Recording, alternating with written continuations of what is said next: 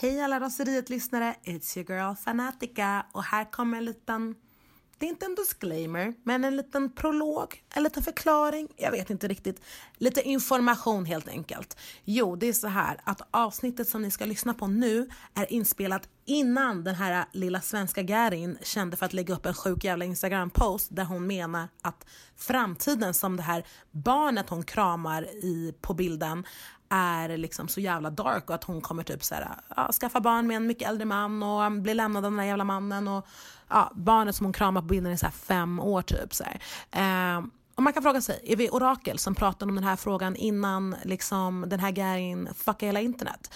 Nej, det är vi inte. Men vi hade fått en lyssnarfråga om just volontärarbete och det är därför vi pratar om det i podden utan att prata om den här sjuka situationen som har hänt just den här veckan.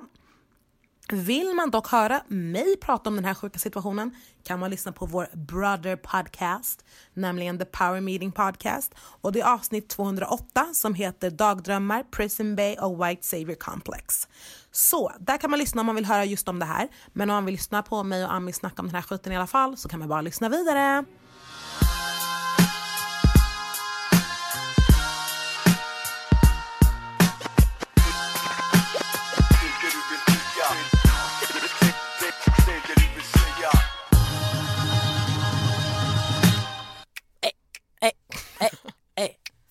Frågelådan är tillbaka, frågelådan är tillbaka, frågelådan är tillbaka. Äh, äh, äh. Frågelådan är här!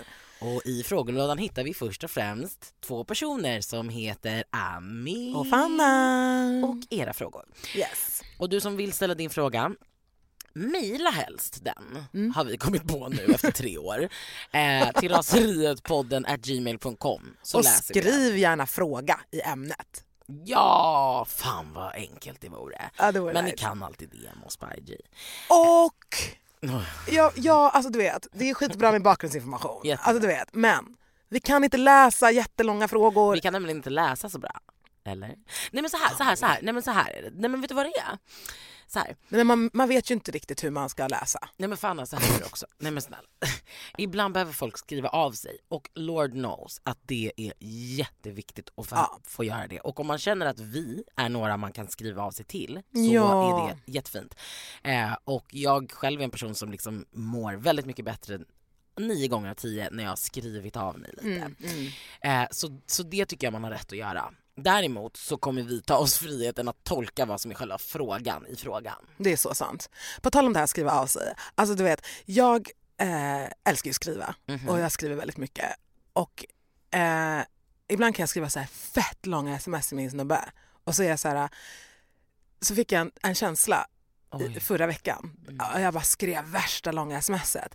Och sen var jag så här, jag bara, men gud, jag kanske egentligen bara behövde formulera det här för mig själv. ja. Vad är det vad är essensen i det här meddelandet egentligen? Vad ska han svara? Låt, låt mig plocka ut den delen. Ah. För då var det liksom värsta så här, ah, vi hade haft ett litet bråk och det var liksom min, min värsta min superanalys kring det. Ah, och sen så ville jag ändå, jag ville liksom pika honom, jag ville trycka till honom lite grann ah. och sen ville jag ändå liksom wrap it up, äh, wrap it up och avsluta med att så här, oh, jag saknar dig, jag är, jag, jag, jag är, så, här, jag är så kär i dig, oh, this is a little love note, bla bla bla. Sen jag bara, men vet du vad? Let me just send the fucking love note. Nej men vänta, Vet du vad hjärtat i eh, eh, emoji finns till för? Du hade kunnat bara skicka det. Nej jag ska. Men alltså grejen är att ja, jag vet. Och vet du vad du skulle kunna göra då? Antingen så skriver du ju först i anteckningar och sen liksom låter du marinera lite. Ja men det gör jag ju alltid. Ja men det är bra. Eh, jag fick typ en eh, jobbgrej skickad. Det var liksom inte så romantiskt men jag fick en jobbgrej skickad till mig. Eh, och då så stod det liksom en lång harang. Och sen så stod det i slutet med fet stil, put simply Nana, ah. nana, eller typ Simply Put kanske. simply Put. Gud vad det är international uh, work. Oh well, you know, they be flying me overseas. Um, Not for the D though. Eller? Men vad heter det, skojar ah! Men nej men och det gillade jag. Mm. Det där var något för mig. Det här med put. Alltså. Nej, simply put. Mm. Och sen så vill jag kanske kunna gå, men, men gud nu är det ju vi som går för långt. Ni bara, nu har vi redan stängt av podden. Okej, ska vi köra? Hej bästa Ami och Fanna. Vad gör man när mor och farföräldrarna är välmenande rasister i ens barns mångkulturella förskola eller skola eller till, till exempel på Lucia-fika, avslutningar, när de högt och mycket tydligt pratar om hur härligt och spännande det är att barnen pratar så många olika språk och ser så olika ut. Puh, jag får tillbaka skamkänslorna bara att skriva det här men jag undrar verkligen hur ska jag hantera mina föräldrars exotifiering gentemot min, mitt barns klasskamrater? Förskolekamrater. Mm, alltså jag tänker så här. Eh, två olika saker. Antingen enkelt, när, inte prick när det sker utan vid ett helt annat tillfälle när ni absolut inte bråkar eller dålig stämning. Inget sånt utan ett helt normalt tillfälle, ett neutralt tillfälle. Att helt enkelt ta upp så här. Eh, mamma till exempel. Jag vet att du menar jätteväl när du säger det här och det här och det här som du säger. Och jag vet att du kommer från en rätt plats när du säger det. Men jag tror att du måste försöka tänka på att för vissa andra så kan det ändå uppfattas fel. Lite för att det blir som att du pekar ut någon som något annat, som de andra.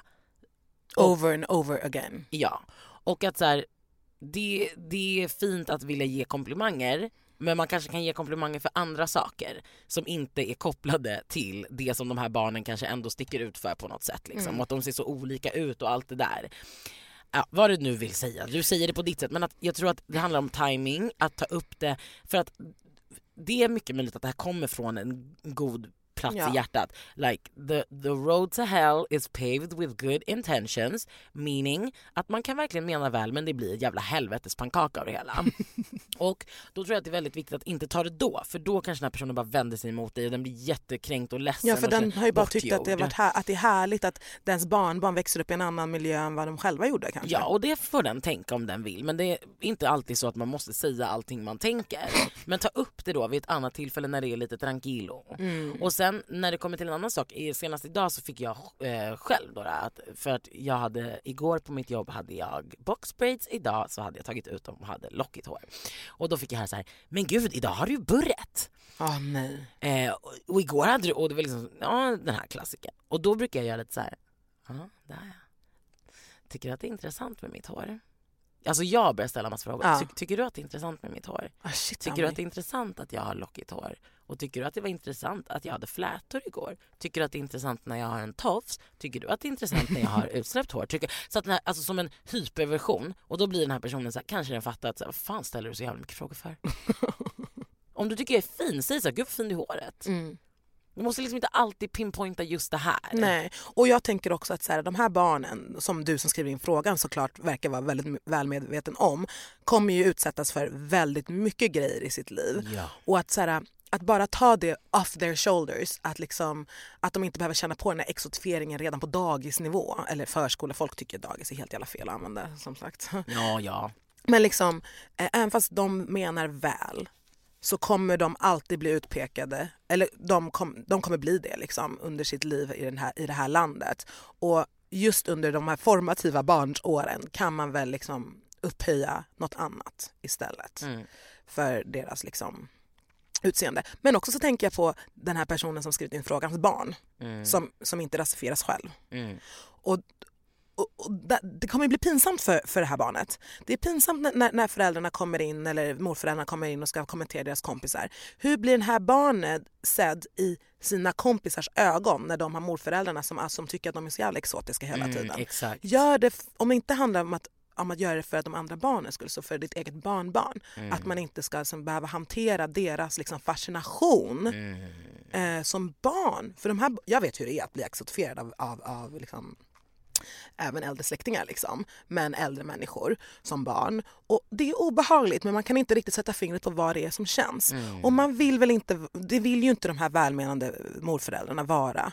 De personer som utsätter då liksom sitt, sitt barnbarns kompisar för den här obehagliga känslan som de inte ens har Alltså de har ingenting att kunna pinpointa vad det är. Det är bara så här, eh, hens morföräldrar är lite konstiga. Liksom. Ja och också att de här barnen är också typ kanske också för små för att förklara för dem vad det är. Mm.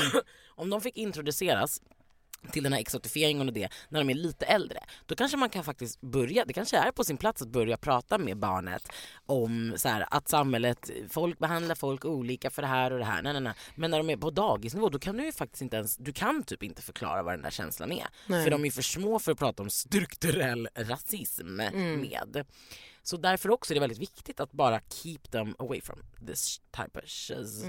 Men tack för din fråga och det är, en så, det är så bra att du har ögonen öppna och både från andra barn och, och ditt eget barn. För det, Ja. det är fan, det kommer hända hela livet och det är skitbra att du frågar. Ja. Hej på er! Jag skulle bara säga att jag älskar er podd och den är så himla fantastiskt rolig och extremt lärorik. Önskar verkligen att alla människor kunde lyssna på detta och lära sig av er. Jag har lärt mig så extremt mycket eh, om saker som jag kanske inte ens tänkt på och bara älskar podden. Tänkte ställa lite frågor på ämnen som jag har velat ehm, lyssna på och gärna velat ja, veta vad ni tycker om det här. Okej, fråga ett. Den här tänker jag vi ger ett väldigt kort svar på. Vad tycker ni om att Instagram tar bort bilder som anses visa för mycket på tjejer? Alltså man, Instagram har algoritmer som tar bort bilder till exempel om den läser av en kvinnlig bröstvårta. Eh, Är det inte så att man måste anmäla? det kan anmälas men det finns också algoritmer. Shit vad sjukt. vad heter det, mm, det är helt sjukt. Det är helt sjukt. Det är jätte, jätte liksom dåligt och eh, väldigt bakåtsträvande. Kvinnokroppen är så pass mycket mer liksom tabubelagd, politiserad medan manskroppen inte är det. Det speglar väl samhället i någon sorts hyperbola antar jag. Men det är klart att det är oacceptabelt. Fråga nummer två. Min största dröm har länge varit att jobba inom Läkare utan gränser och dit håller jag på att plugga. Jag är engagerad i många organisationer såsom Unicef och andra och jobbar mot eh, jobbar mot de mänskliga rättigheterna som jag, som jobbar mot de mänskliga rättigheter som jag står för. Det är tråkigt nog inte så lätt att jobba med Läkare utan gränser och därför krävs det ett bra CV. Och det handlar om att man måste ha varit fysiskt aktiv inom volontärarbete. Jag har lyssnat på ett avsnitt som heter Rädda Afrika och undrar om ni kan göra ett avsnitt som handlar om det här med volontärarbete och sen fortsätter det lite grann. Ehm, igen kanske ett kort svar för att som sagt så har vi ett avsnitt som heter Rädda Afrika där vi går in på och pratar om det här med liksom våra tankar kring när folk åker och volontärjobbar. Eh, Vi, jag tror vi skämtar om Barbie Savior-kontot på Instagram som fortfarande finns kvar som fortfarande är ett starkt eh, Starkt content. Mm. Nej, men alltså det är så starkt.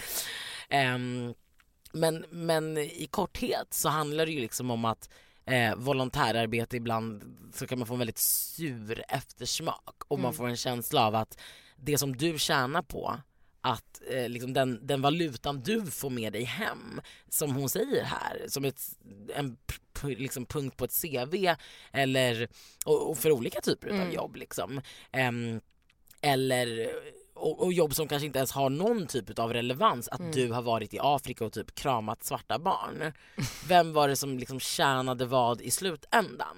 Och framför allt kanske det att många ofta betalar ganska stora summor pengar, pengar för att åka och volontärjobba och då tänker man att kunde de pengarna ha kommit eh, mer till rätta om du hade skänkt dem till några som gör ett faktiskt arbete eh, på ett eller annat sätt eller organisationer. Du är liksom ambassadör för Kvinna till Kvinna till exempel som är ständigt behov utav m- människors donationer. Istället för att man liksom kommer med typ eh, sin arbetskraft som kanske inte ens är den bästa. Ja, alltså jag har en ingång på det här som jag tycker känns relevant att lyfta. Och det är att så här, Läkare utan gränser, eh, Röda Korset till exempel. Alltså så här, vissa organisationer, organisationer jobbar med katastrofhjälp. Där det handlar om att så nu har det skett liksom värsta naturkatastrofen eller någonting och man åker ner eller bort eller vart man fan man åker och organiserar sig tillsammans med liksom de lokala organisationerna, alltså Läkare utan gränser på, på plats eller Röda Korset på plats och sådär. Och då är det kritiskt läge och då är det väl skitbra att folk åker ner och är volontärarbetare. Ja, men That's till, another thing. Mm, mm, men när det handlar om vissa andra organisationer, om hon, nu, just nu pluggar hon till läkare men det finns väldigt många tror jag som går i tanken att man vill jobba med volontärarbete. Och där blir det fel för att många av de här frågorna som finns till exempel om det handlar om eh, andra typer av organisationer som Kvinna till Kvinna till exempel eller andra organisationer. Det finns lokal expertis på plats.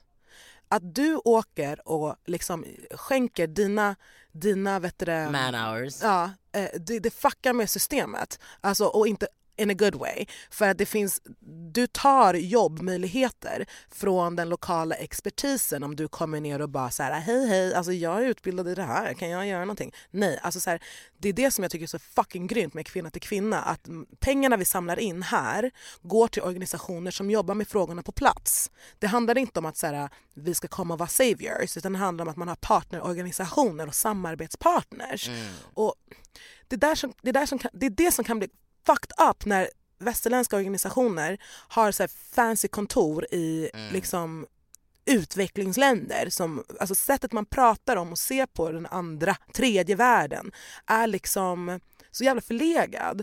Och, och man går in och, så här, och, och, personerna kommer från Sverige och får svensk lön fast bor i Zambia. Och alltså så här, man, man, lever ett ganska nice life men känner att man typ så här gör något så jävla bra fast där man kanske tar någon annans jobb. Alltså, så här, det blir liksom fel. Vet du vad vi gör? Mm. Jag har ett förslag mm. och det är att jag skickar den här frågan till eh, min vän eh, Armani Mbaye. Mm. Hon har koll på de här frågorna. Nice. Hej till Raseriets alla lyssnare och ett eh, speciellt tack till personen som har skrivit den här jätteintressanta frågan. Jag heter Armania och arbetar med internationell utveckling och biståndsarbete. Jag har gjort det på lokal nivå och internationell nivå eh, och främst specialiserat mig i hållbar utveckling och rättssäkerhet. Och det är nog därför som raseriet har snällt frågat mig om jag skulle kunna dela lite av mina tankar kring den här problematiken som har uppmärksammats. Och även det som raseriet tog upp i sitt avsnitt Rädda Afrika. Och det finns ju väldigt mycket problem i den här, vad vi kan kalla för biståndsbranschen. Och det är det här att det finns en enorm eh, maktskillnad mellan de som ger och de som tar emot bistånd. Eh, och det skapar ju en obalans som också kan göra så att själva arbetet i sig är inte lika effektivt som det borde kunna vara genom att bistånd ger för saker och ting som de som ska gynnas av biståndet inte riktigt behöver. Um, och specifikt hur ska man förhålla sig till det om man är intresserad av att arbeta inom Eh, den här branschen och kanske har eh, genuint intresse av att hjälpa andra. Och det kan vara ganska komplicerat ibland. Eh, och jag som själv har arbetat i den här branschen i ett par år har behövt verkligen hålla mig i schack kring vissa av de här frågorna för att man inte ska kunna känna att ens arbete är förgäves eller att man ska bara bli frustrerad över att det finns så många människor där med olika agendor. Jag tror att det finns lite olika saker man kan göra för att hålla sig i linje med det man vill, själv vill uppnå. Uh, och jag har tre uh, förslag och även så, det har jag själv även följt när jag har navigerat mig genom min karriär och uh, mina arbetsmiljöer. Och det första är, vad är ditt why? Och det är varför är det du vill arbeta med, i det här fallet är det Läkare Utan Gränser. Och det krävs en volontärtjänstgöring av något slag för att kunna uppnå den drömmen som du har att arbeta med Läkare Utan Gränser så tycker jag att man ska känna trygghet i det. Om det är så att det är i linje med ditt why. Så det är någonting du kan fråga dig själv alltså då och då genom din karriär. Varför gör jag det här? Vad är mina värderingar? Och det kommer nog fungera som en ganska naturlig och hälsosam kompass genom din karriär. Mitt andra tips är att också tänka på det från ett annars perspektiv. Ja, det finns massa problem i den här branschen. Det finns problem i alla branscher. Men om man ska bli en del av lösningen måste man ibland även bli en del av problemet. I att man måste gå in i de här rummen där det sker ganska mycket konstigheter och kanske göra de här frågeställningarna framför de som man tycker är problematiska och på så sätt kanske göra någon form av påverkan eller skapa ett forum där man kan diskutera fram lösningar eller andra tankesätt det kan vara svårt att ha någon riktig påverkan om man inte sitter vid bordet. Um, och det kan ibland vara så att när man ser problematiska situationer att man väljer att uh, stå utanför dem än att faktiskt ta tag i det.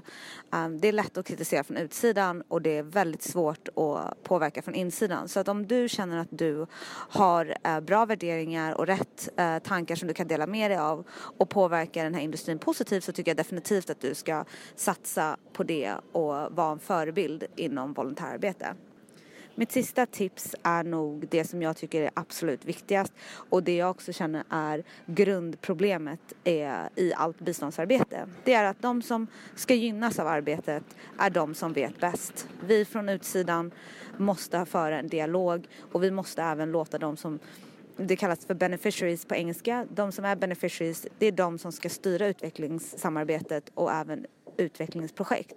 Så att om man går in med den inställningen att man själv inte vet bäst om uh, andra människors behov och uh, utveckling då tror jag att man redan har tagit så många steg i rätt riktning och faktiskt kan göra en positiv påverkan och utföra det arbete som det här egentligen ska handla om. Vilket är att göra den här jorden lite bättre för de som behöver det allra mest. Tack Armania, Tack, skitbra. Armania. Eh, Okej, jag har en fråga. Mm. En till fråga. Tja raseriet! Jag hittade denna i närmaste ICA-butiken. Hur ska en som vit kvinna förhålla sig när det står så här på schampoflaskorna? Och så är det en bifogad bild på en schampoflaska där det står ehm, för gla- glanslöst nordiskt hår. Mm. Mm. Det här är en ganska intressant fråga tycker jag. Vad är Ja. nordiskt hår? Ja, det är det. Vad är nordiskt hår? Alltså, du och jag är födda i Norden. Ja, jag vill leva... Nej, förlåt, jag ska inte sjunga den än. Men ehm, vi är födda i Norden. Så eh, vi har någon form av eh, lockigt hår. Är det nordiskt hår? Äh, det tror inte det de eh, menar där. Inte Nej. ditt och mitt hår. Men jag tycker också det är kul för det står så här glanslöst nordiskt hår. Alltså på ett sätt så skulle det verkligen kunna vara mitt hår de pratar om. för när jag är i Norden, då är mitt hår, mitt nordiska hår glanslöst. Ja, och du har ju ändå, du har ju inte nordiskt hår men du har ju en nordisk DNA. Eh, ja, alltså, Afro-viking. jag är en afro-viking och eh, liksom frågan är då at the end of the day, är det här schampot liksom för mig? Kommer det att göra mitt hår liksom, Fylligt och glansfyllt. det tror jag inte. Nej, det kommer fucka ditt hår. Men det är självklart att så här, det finns en idé om ett nordiskt utseende. Det finns liksom en idé om en så stereotyp nordiskt utseende och då, och då finns det också eh, till exempel Lumine som är ett finskt sminkmärke som gör smink för nordiska kvinnor. Mm. Och jag som hade det här problemet på mitt jobb att det inte fanns smink eh, under, alltså ansiktssmink, va? Alltså med till huden Mm. eh, som var i min ton. Och då var motiv, mot, liksom motargumentet, ja men vi har ju Lumine och de gör ju smink för nordiska kvinnor. Och då var jag, app, app, app, app, app. Mm. Vem, vad är en nordisk kvinna? Mm. Jag till exempel är en nordisk kvinna och jag ser ut så här. Mm. Det är liksom bara väldigt smalt och väldigt så här, eh, liksom förenklande och, Mm. och också att man glömmer eller stänger ute eller skiter i eller föraktar, fan vet jag, Mm. massa folk. Alltså jag tycker det är intressant för att, för att man pratar om nordiskt hår och då refererar man till en region. Mm. Alltså när vi pratar om afrohår då, då refererar man inte till en region. Utan, men, men, men jag vet inte vad, vad ordet man skulle använda istället. Nej men det För skandinaviskt blir ju också fel. Mm. Alltså ska det stå svennehår eller? Svennehår. Till glanslöst svennehår. Alltså. Men vadå jag har ju också svennehår. Nej jag har inte svennehår. Nej men också svennehår kan också se ut på massa Ja men det är det jag menar. Fan det här är svårt. Det finns det här tunna, det finns det här flygiga. det här finns det, fina, för fint hår. Ja, fint hår precis. Men är sen sjuk. finns det ju så här det här tjocka, ja, men herregud. Alltså så här, jag, vet du, den första conclusion du ska dra är att jag tror inte att det är typ ett jättebra liksom schampo eller balsam. För att det känns jävla vagt. Vad fan är, men du vet, vad är det här ens en gång? Om, nej, eh, och, men, men, men det är klart att det är förlegat att säga sådär nordiskt för Ja. då är man inte uppdaterad. Att 2018, Norden, det du kan se ut egentligen hur fan som helst och Mm. vara liksom vad som då är att vara nordisk, att liksom vara nordisk, en medborgare i ett nordiskt land. Ja. Vad är det? Så, Samtidigt så det är klart så det är är- förlegat, det är tråkigt. ja men vad ska man säga då? Det är lack of better word. För att alltså, de Ja, här men- människorna måste väl kunna veta vilket, hår, vilket shampoo som är för deras hår. Mm, Right? mm. Det skulle vara skitjobbigt om det inte stod så här för curls på Fast, fast det, det det handlar om egentligen när du har shampoo, det är som du säger, du kan inte knyta det till en region. Exakt. Utan det handlar om att antingen har du glanslöst hår, eller så har du tovigt hår, eller så har du flygigt hår. Det Mm. Till är ditt glanslöst, problem. flygigt, blont, torrt, Till exempel, rakt hår. då tror jag att jättemånga människor i Norden kommer känna sig eh, träffade. Ja. Så är det. Så är det. Ja. Så liksom, det, det, är, det förlegat att säga sådär nordiskt. Mm, Och jag För det förstår en- varför du reagerar på det. Det är ju konstigt liksom. Ja. Det är mobbat bara.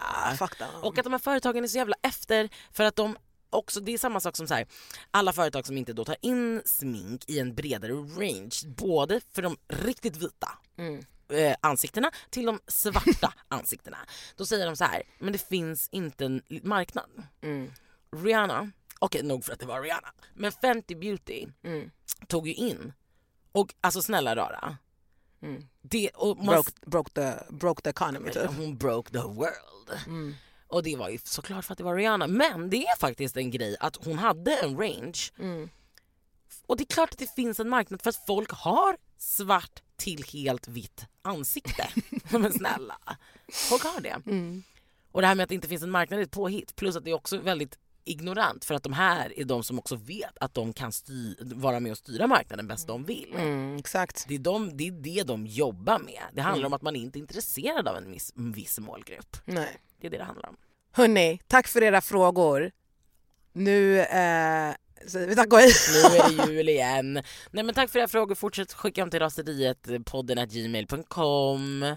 I ämnesraden kan du skriva fråga. Ja, och man får fråga om vad man vill. Sen kanske vi inte svarar på prick allt men det måste inte vara frågor som är relaterade till ras, till, till liksom kön och så vidare. Även om det är så, frågor som vi gärna svarar på Ja. också. Men ni får fråga vad som helst. Liksom. Man kanske undrar vad fan har för färg på trosorna? Vill du gissa eller? Vit. Black! Okej allihopa, ha en fet dag typ. Hejdå.